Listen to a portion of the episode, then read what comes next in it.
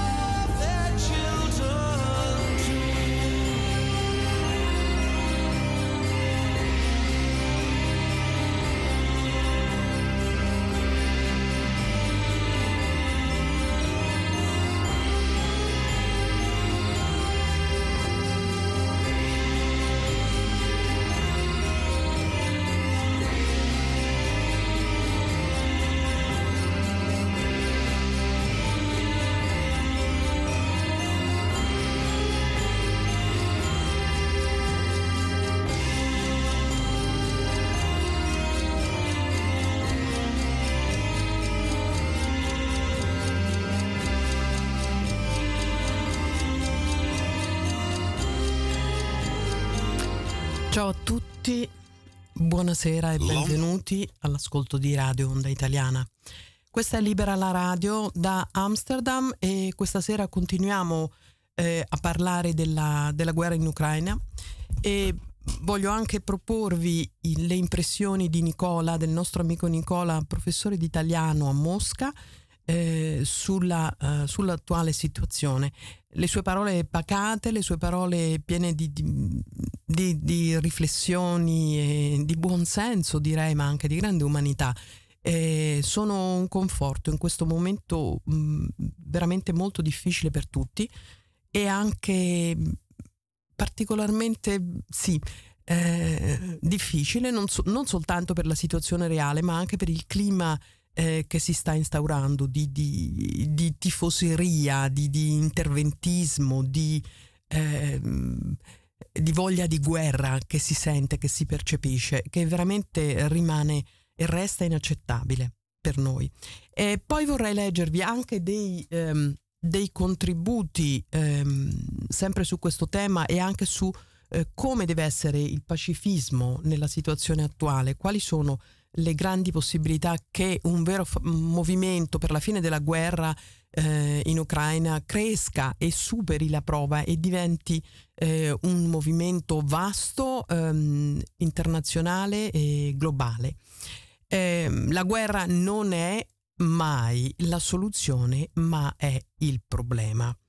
E abbiamo iniziato il programma di questa sera con una canzone, pensate, di 37 anni fa eh, di Sting, Russians, una canzone che eh, allora per noi aveva un grandissimo significato perché tutti erano c'era un grande movimento pacifista in realtà, c'era un grande movimento anche per l'ambiente, per i diritti, per l'emancipazione, cioè eh, la società era, era molto, ma diciamo che c'era una maggiore consapevolezza, sì ehm, nei confronti di questi temi. Oggi mh, mm, vediamo che ovunque domina questo liberismo in cui conta soltanto il profitto a tutti i costi. Le armi rendono e allora facciamo le armi, eh, produciamo armi. Eh, l'intelligenza artificiale che va al servizio poi comunque di scopi militari, di controllo sociale, rende e allora facciamo quello.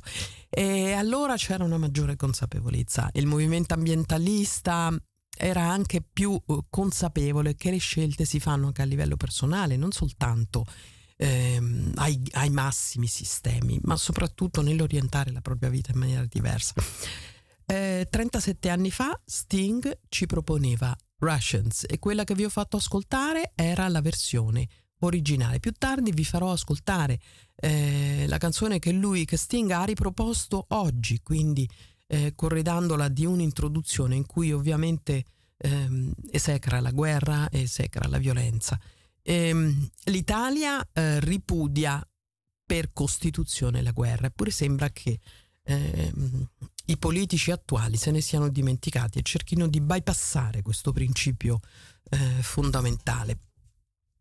Ma ora vorrei leggervi l'intervento di Alfiero Grandi proprio sul movimento eh, per la fine della guerra in Ucraina.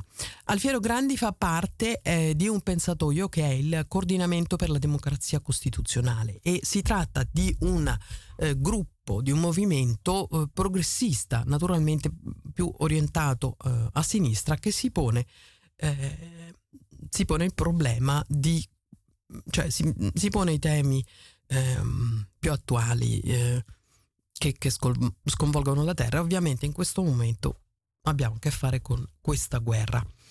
È abbastanza evidente che alcuni commenta- commentatori ehm, hanno cercato di contrapporre la piazza di Firenze contro l'aggressione in Ucraina a quella precedente di Roma, cercando di perpetuare un equivoco che rischia di dividere un movimento plurale, diversificato, in qualche caso perfino con motivazioni opposte, ma che condivide l'obiettivo prioritario di fermare la guerra. Prova ne sia che l'appello ripetuto e insistito per la creazione della no-fly zone o per la fornitura di aerei all'Ucraina è caduto nel vuoto, esattamente come nella precedente manifestazione di Roma, e non poteva che essere così. Anche le rappresentanze presenti erano in buona parte le stesse. Questo tentativo di dividere il movimento, o se si preferisce la grande opinione pubblica che vuole la fine della guerra in Ucraina, cercando un'intesa di pace, va indicato come pericoloso e controproducente, perché le piazze per la pace hanno bisogno di estendersi e di rafforzarsi per contribuire a fermare la guerra. Il programma di chi vuole fermare la guerra è la fine dei combattimenti in Ucraina, mantene- garantendo la vita delle persone, di chi è sotto i bombardamenti, di chi oggi combatte, avviando una vera trattativa per regolare il contenzioso. L'unità è l'obiettivo.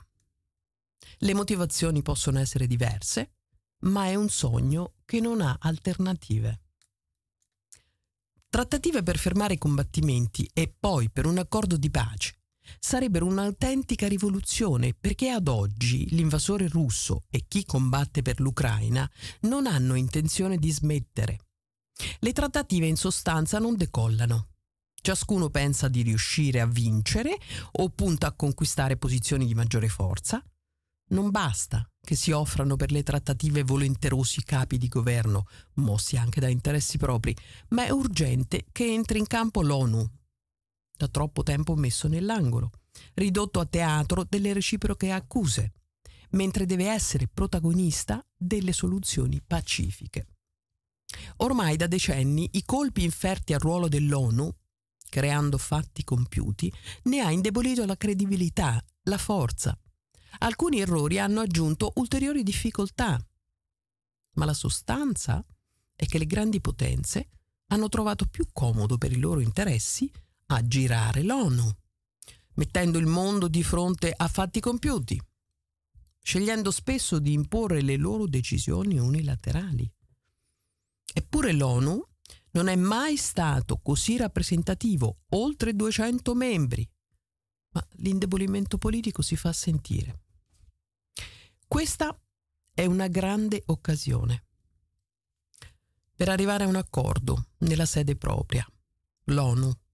Inoltre potrebbe essere l'inizio di una regolazione di problemi che da tempo chiedono di essere risolti, a partire dal rilancio del disarmo nucleare, da una riduzione degli armamenti, anziché insistere sulla follia della logica dell'aumento degli armamenti.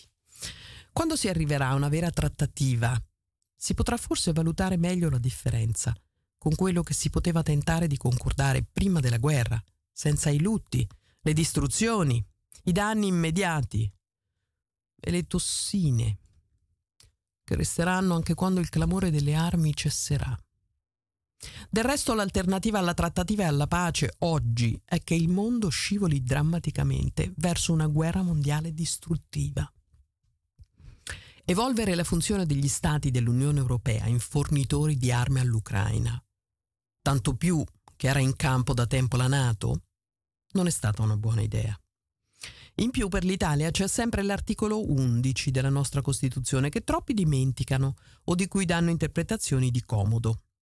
La distinzione in sede tra sede politica, di governo e quella di un'alleanza militare dovrebbe essere l'ABC della politica mentre la scelta dell'Europa di entrare direttamente in campo con forniture di armi all'Ucraina le ha inibito un ruolo di protagonista per la pace.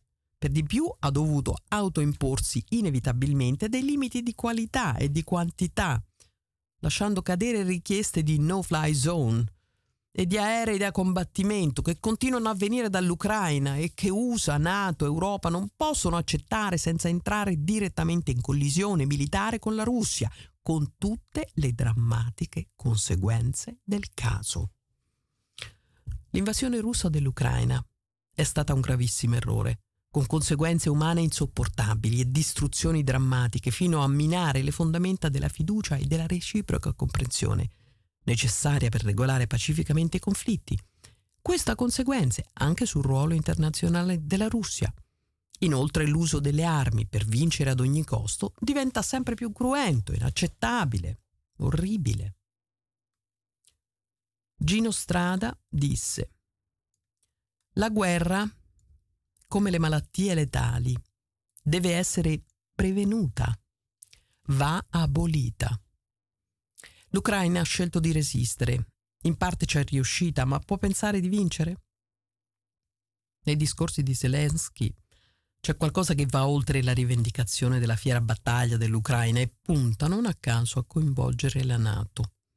Basta ricordare la richiesta della no-fly zone o di aerei forniti dalla Nato che renderebbe concreto il rischio di un conflitto mondiale.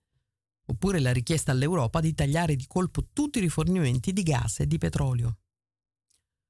Biden non ha difficoltà ad aderire al blocco di petrolio e gas dalla Russia. Infatti ha perfino recuperato forniture dal Venezuela, fino a poco tempo fa al bando. L'Europa non è in grado di adottare una misura così drastica e immediata, pagherebbe un prezzo insostenibile con conseguenze sociali ed economiche insopportabili. Come ha detto Draghi, in passato una politica energetica nazionale miope ha sottovalutato la dipendenza dell'Italia e dell'Europa dall'estero, perché le politiche energetiche hanno puntato sui fossili, anziché scegliere di investire strategicamente nelle energie rinnovabili. Continuando a investire nelle rinnovabili, come nel 2010-2013, oggi, conti alla mano, potremmo fare a meno due, dei due terzi del gas russo. Occorrono proposte concrete per farlo da ora e nell'arco di 5-6 anni possiamo arrivare a quel risultato, ma per arrivarci occorre un piano preciso e occorrono risorse. Non basta rincorrere il vertiginoso aumento dei prezzi dell'energia che non ha alcun fondamento oggettivo. Quando la dialettica tra, un, tra entità politiche si presenta nella forma drammatica del conflitto armato, è ancora più indispensabile puntare alla sintesi, cioè alla fine del conflitto armato per impedire che tutto venga inquinato, distorto, che il mondo diventi molto peggio di quello che avevamo prima, per quanto insoddisfacente. Solo qualche mese fa l'obiettivo era fermare l'alterazione del clima, contenendo l'aumento della temperatura entro 1,5 gradi. Per realizzarlo occorrono distensione, cooperazione, riprendere il filo sarà dura, ma ci sono alternative. Ci sono alternative che non siano morte e distruzione. Dopo la fine della guerra fredda e dal patto di Varsavia, il sogno era un mondo aperto un mondo aperto in cui confrontarsi.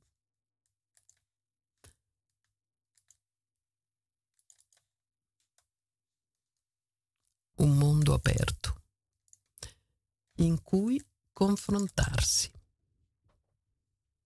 Oggi competere, cooperare, Oggi gli scienziati russi del CERN rischiano di essere fuori dalla ricerca, mentre la cultura è segnata dal ritiro dei dipinti di proprietà russa in mostra in Italia.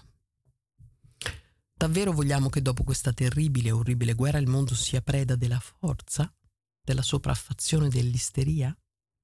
La guerra non è la soluzione, è il problema. Non lo è stata nella ex Jugoslavia. Le cui conseguenze sono nascoste, ma Ben vive in un sarcofago come Chernobyl. La guerra e la corsa agli armamenti, in particolare nucleari, non risolvono i conflitti armati, li provocano. Ha ragione Francesco.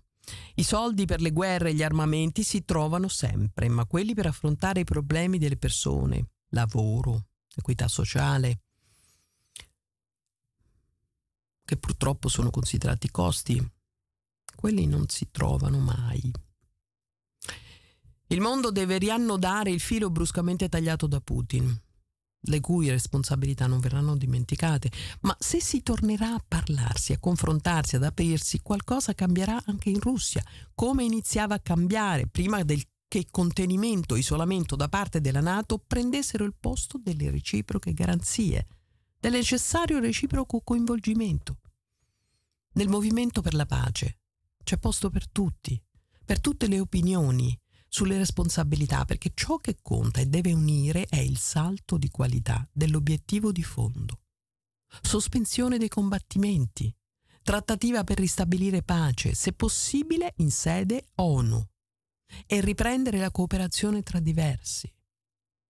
Per questo il movimento per la fine della guerra in Ucraina deve crescere e superare la prova di un'unità tra diverse posizioni che debbono avere ben chiaro l'obiettivo principale. Interrompere i combattimenti, garantire la vita delle persone, tutte, avviare vere trattative di pace, che per definizione hanno bisogno di mediazione e di composizione dei conflitti.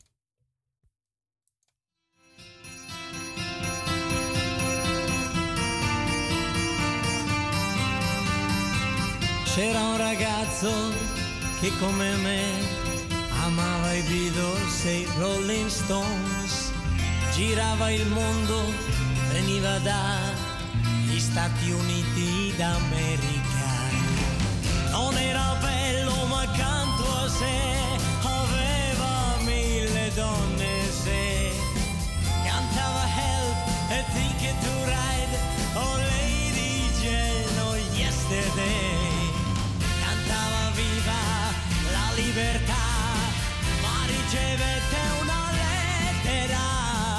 la sua chitarra mi regalò, fu richiamato in America, stop con Rolling Stones, stop con i Beatles, stop, m'han detto va nel Vietnam e spara ai Vietcong.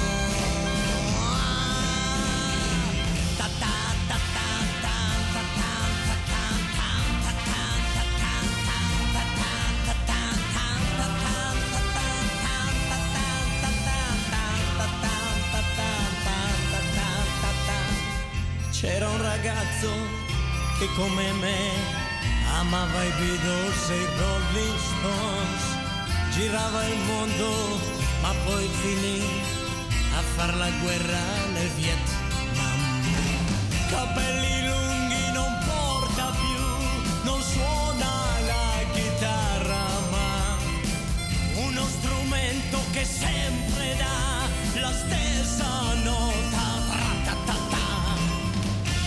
più amici, non ha più fans, vede la gente cadere giù nel suo paese, non tornerà ad essere morto nel Vietnam. Stop con Rolling Stones, stop con i Beatles, stop nel petto un cuore più non ha, ma due medaglie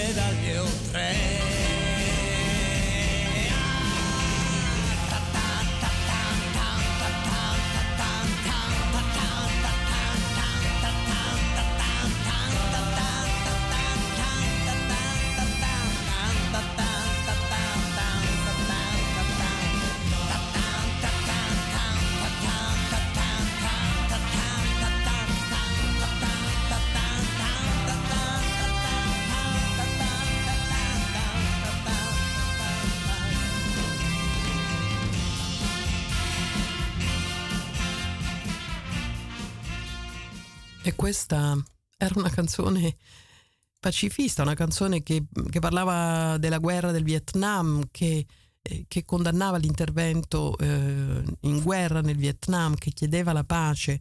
Un'altra guerra orribile, quella del Vietnam.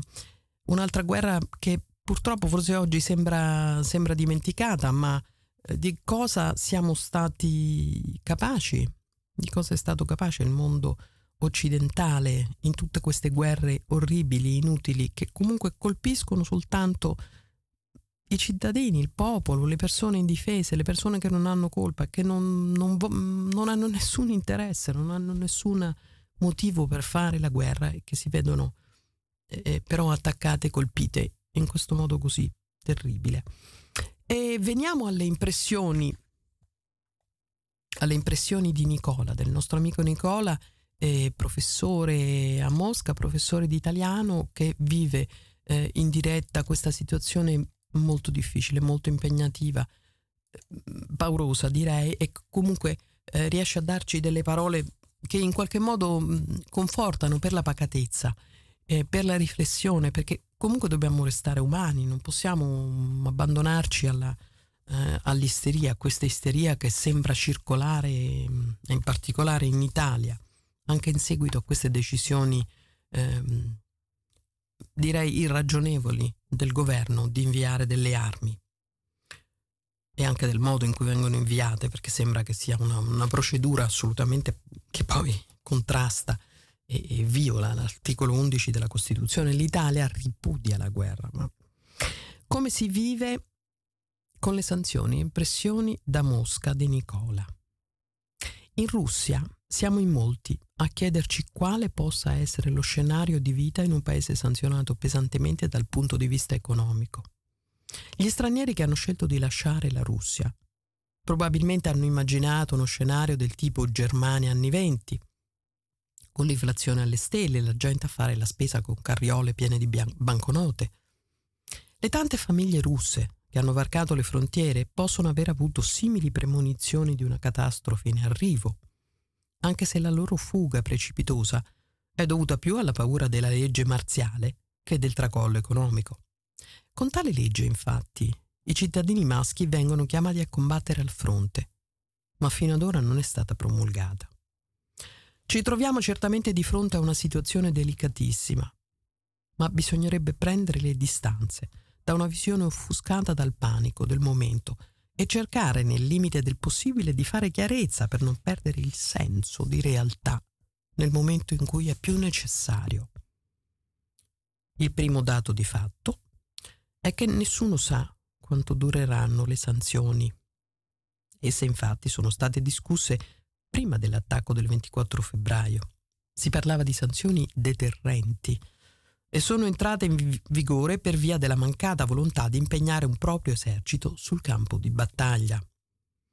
Questo fa capire come le sanzioni potrebbero essere ridiscusse in qualsiasi momento a un tavolo diplomatico in presenza delle parti belligeranti.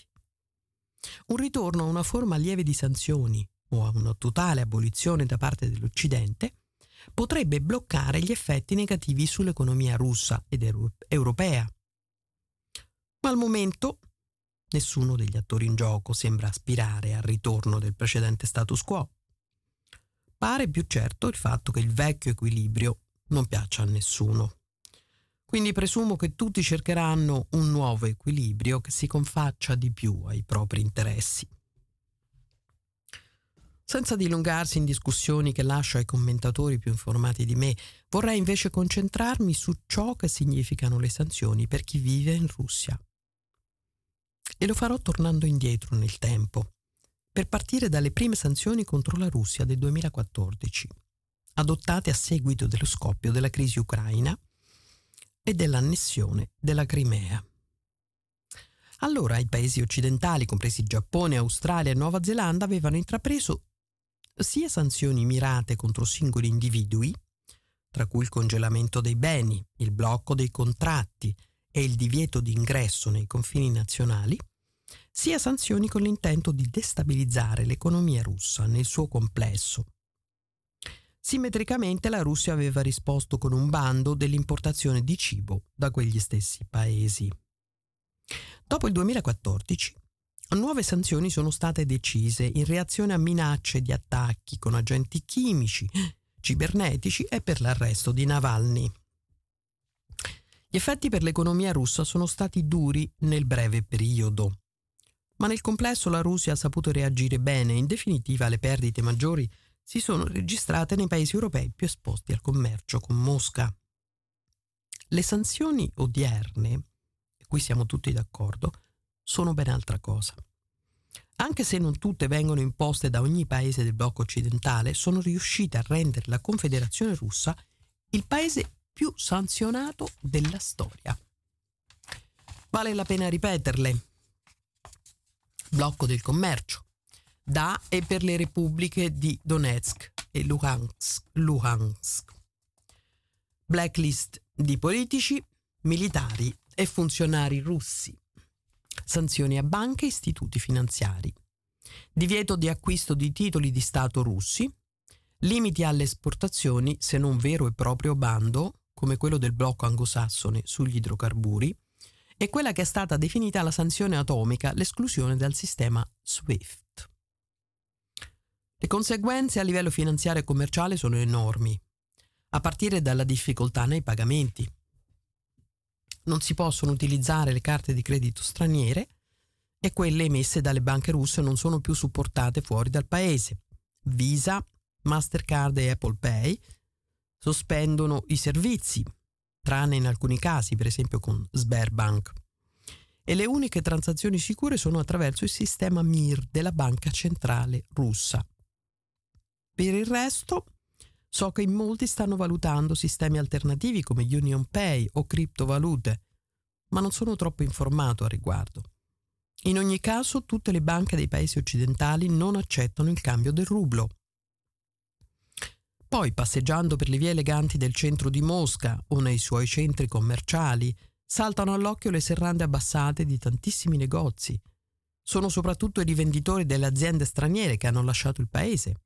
Tra queste ci sono McDonald's, Starbucks, KFC, Pizza Hut, Coca-Cola, Ikea, Netflix, Apple, Unilever, DHL, Mercedes, BMW, Toyota, Lego, Nike, Stellantis, Adidas, Volkswagen, Disney, Pepsi, H&M, Inditex, Nestlé, Epson, Sony, Amazon, Philip Morris, Hilton, Microsoft, HP, MSC, Siemens, Samsung e Uniqlo.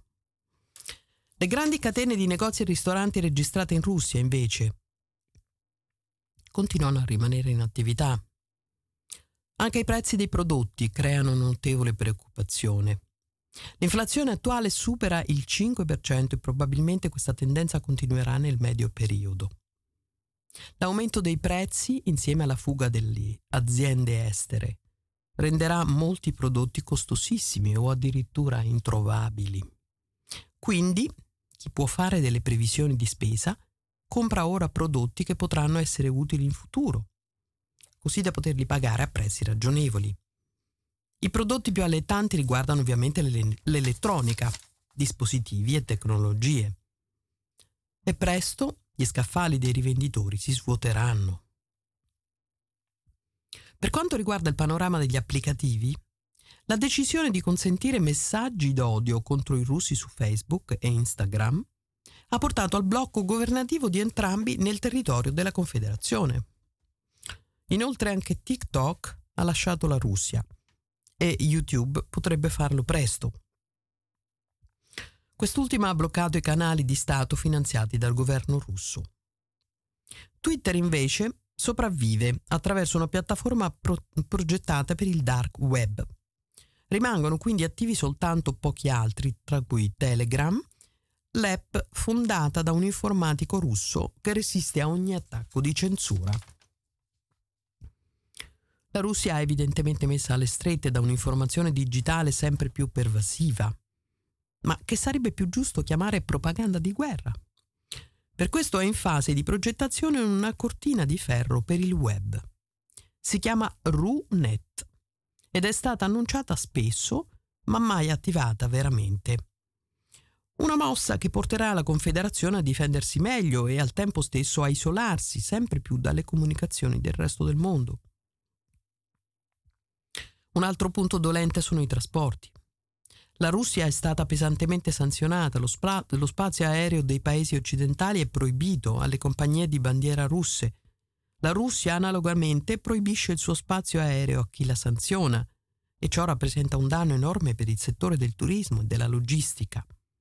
Molti, molti russi stavano già festeggiando per l'apertura delle frontiere e ora sono ritornati a rassegnarsi. Gli stranieri che hanno deciso di lasciare il paese, invece, hanno dovuto prendere voli diretti a Istanbul, Dubai, Abu Dhabi, dove poi salire sui velivoli di diverse compagnie aeree prima di ritornare in patria. Per non parlare di coloro che sono partiti in macchina o in autobus, molti di loro sono ripartiti dagli aeroporti di Helsinki, Riga e Tallinn. Per ultimo, ma forse è il punto più importante, la crisi sta già portando moltissimi russi alla perdita del proprio posto di lavoro. Le aziende straniere hanno chiesto a un numero ristretto di professionisti di trasferirsi in filiali estere, mentre tutti gli altri lavoratori sono stati mandati a casa. Stessa sorte per gli impiegati di aziende nazionali che hanno deciso di ridimensionarsi. La situazione non appare certo rosea ed è opportuno chiedersi se queste sanzioni hanno un senso oppure no. Sbandierate come misure per ottenere la pace, per non fare la guerra. Le sanzioni hanno veramente centrato l'obiettivo per cui sono state concepite? Proviamo a capire. Si sanzionano gli oligarchi perché colpire loro significa indebolire il regime e alimentare il malcontento attorno al leader. Va detto subito, a scanso di equivoci, che proprio il leader non dipende assolutamente da questi individui. È il capo delle forze armate russe e l'unico golpe possibile può arrivare solo dagli alti ufficiali dell'esercito, i cosiddetti colonnelli. I soldi, è vero, corrompono, ma Putin ha ben altre leve su cui fare pressione. Inoltre le sanzioni mirate a patrimoni e investimenti degli oligarchi sono alquanto vaghe, quando non interamente, quindi non interamente alquanto vaghe, ognuno, ognuno di loro possiede portafogli nascosti, la loro ricchezza è difficilmente tracciabile e quindi non interamente sanzionabile. Hanno a disposizione diverse valute estere e il loro destino non è legato a quello del loro paese. Privarli di uno yacht, di una squadra di calcio, sembra più come rubare un giocattolo a un bambino viziato. Piangerà, ma si rifarà con un altro gioco. Oltre a questo è stato detto che le sanzioni procurano il minimo danno possibile alla popolazione civile. Se avete ascoltato bene tutte le informazioni che vi ho elencato, capite bene che questo non è vero. Invece hanno tutta l'aria di essere efficaci nel mantenere il sottosviluppo nelle aree rurali e nell'opprimere il progresso e lo sviluppo culturale avvenuto in questi anni nelle grandi città. Per essere più precisi, gli individui che pagheranno di più queste sanzioni sono proprio quelli da cui ci si aspettava un cambio di politica. La classe media delle città, insomma, quella pacifista, antigovernativa, liberale e cosmopolita. Le sanzioni puniscono le loro piccole economie, le loro relazioni lavorative, i loro risparmi, i loro progetti di vita, la loro salute e molto altro. L'isolamento economico e culturale al quale verranno sottoposti li mortificherà e i più giovani si abbandoneranno al fatalismo dei loro padri. Se volevamo che la Russia entrasse nella modernità, le sanzioni la rimanderanno indietro negli anni di fine era sovietica. I russi comunque ce la faranno, ne sono certo. Molti di loro hanno già vissuto le crisi economiche, sanno già cosa fare, cosa gli aspetterà. Le forme di panico e isteria che si sono viste nei telegiornali sono comunque sporadiche, isolate. I giovani vivono la loro prima grande crisi che li segnerà per sempre. La Russia non si è mai accontentata di sventure mediocri, scrive Emil Cioran. Non è nemmeno l'unica a pensarlo. Una giovane blogger racconta di quanto la grande letteratura russa li abbia preparati tutti a sopportare questa catastrofe. I russi hanno le spalle larghe e affronteranno l'ennesimo scenario apocalittico. Come in passato hanno affrontato tutti gli altri.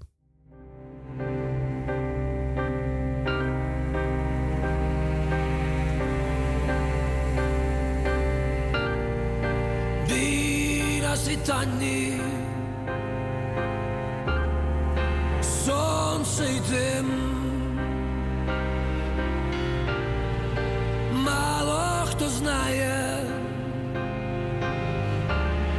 що ж буде з ним, що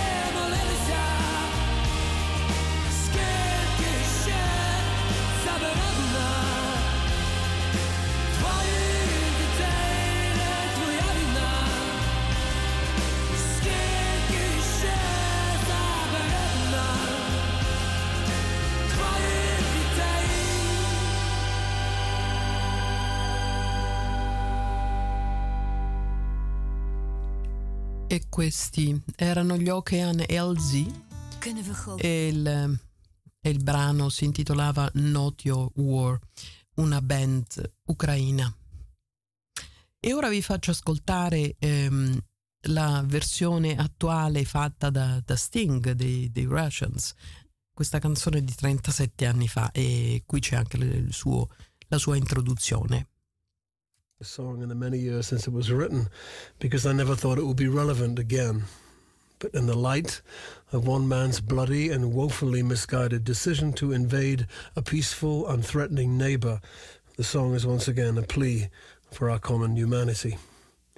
For the brave Ukrainians fighting against this brutal tyranny, and also the many Russians who are protesting this outrage despite the threat of arrest and imprisonment. We, all of us, love our children. Stop the war. In Europe and America, there's a growing feeling of hysteria, conditioned to respond to all the threats and the rhetorical speeches of the Soviet.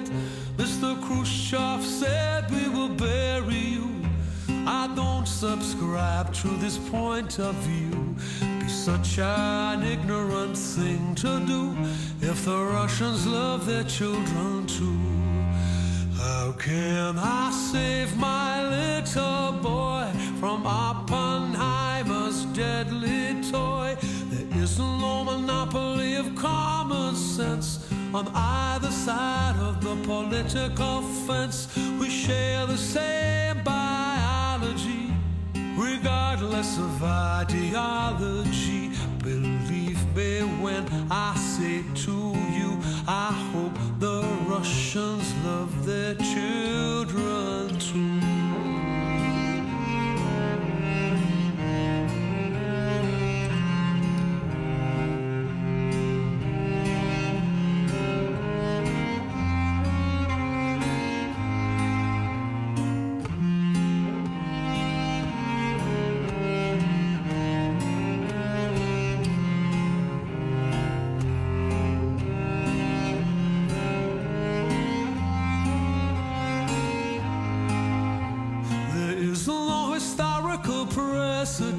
To put the words in the mouth of the president.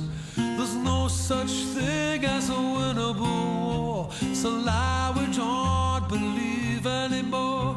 We share the same biology, regardless of ideology. And what might save us, me and you, is that the Russians love their children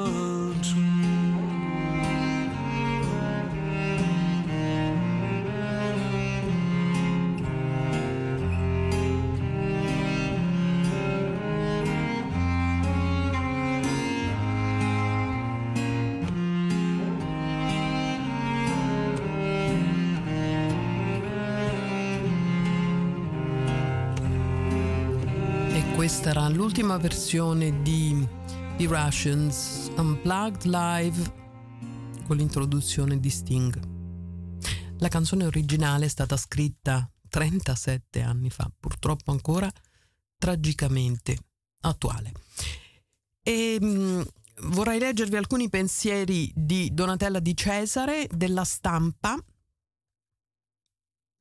la nostra assurda campagna di Russia, così si titola, intitola il suo articolo, per difendere gli, gli ucraini eh, aggrediti occorre fermare immediatamente questa guerra lì dove viene combattuta, attraverso negoziati condotti da autorità europee interposte a quelle belligeranti. Non si difendono invece gli ucraini facendo dilagare il conflitto, modificandone portata e obiettivo. Dobbiamo aiutare il popolo ucraino aggredito oppure dobbiamo fare la guerra a Putin? Questa grande ambiguità si è insinuata sin dall'inizio in molti discorsi, tacitamente avallata o più apertamente sbandierata. E ormai è un'ambiguità tale da non permettere quasi più di distinguere i due obiettivi che a ben guardare sono ben diversi, perché un conto è salvare le vite degli ucraini, il che è possibile solo fermando immediatamente il conflitto con intermediari, trattative, soluzioni concordate, Altro conto è adottare misure belliche contro la Russia di Putin, cioè rischiare una catastrofe senza precedenti. Chi mira al primo obiettivo, oltre che salvare le vite degli ucraini, ha a cuore il bene dei popoli europei. Chi invece sottintende in modo più o meno subdolo il secondo obiettivo vuole aprire gli scenari di una nuova, devastante e sconosciuta catastrofe. Siamo davvero arrivati al punto di considerare seriamente chi dice che meglio di un mondo con Putin ai confini della UE è una guerra nucleare? Quelli che oggi parlano a favore di quest'ultima ipotesi dovrebbero assumersi le proprie responsabilità anche per il futuro. Per difendere gli ucraini aggrediti occorre fermare immediatamente questa guerra. Lì dove viene combattuta attraverso negoziati condotti da autorità europee interposte a quelle belligeranti, non si difendono invece gli ucraini facendo dilagare il conflitto, modificandone portata e obiettivo. È quello che tenta di fare chi fomenta la campagna di una nuova guerra giusta, contrabbandandola come crociata all'insegna della democrazia e della libertà contro l'autocrazia. Ne abbiamo abbastanza di guerre giuste, questo simbolo di cui conosciamo già gli esiti devastanti. Non sembra né prudente né avveduto, andare a liberare il popolo russo dal tiranno. La Russia di Putin non è purtroppo solo quella dei dissidenti che manifestano a Pietroburgo. C'è un paese enorme e variegato, con una sua storia difficile e molto europea. Quando il popolo russo avrà autonomamente raggiunto il punto di svolta, si libererà da Putin. Nel frattempo, quello che noi avremmo dovuto fare, che dovremmo fare, sarebbe proprio moltiplicare i contatti, le occasioni di scambio in tutti gli ambiti, chiuderli dietro una nuova cortina, ricacciarli dietro lo stigma del nemico. Non serve a loro e non serve a noi.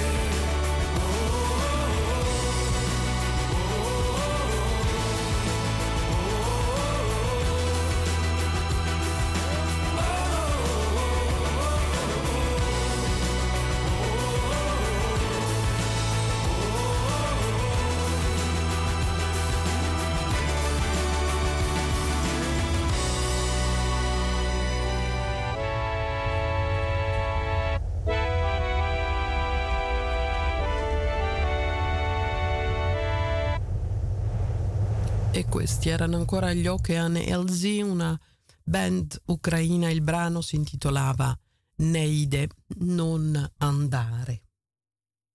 Sotto una montagna di paure, di ambizioni, c'è nascosto qualche cosa che non muore.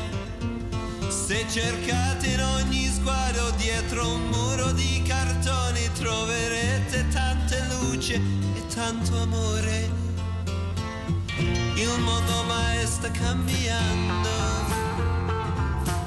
E cambierà di più, ma non vedete nel cielo. Quelle macchie di blu e la pioggia che va. E ritorna il sereno. Quante volte ci hanno speranze dei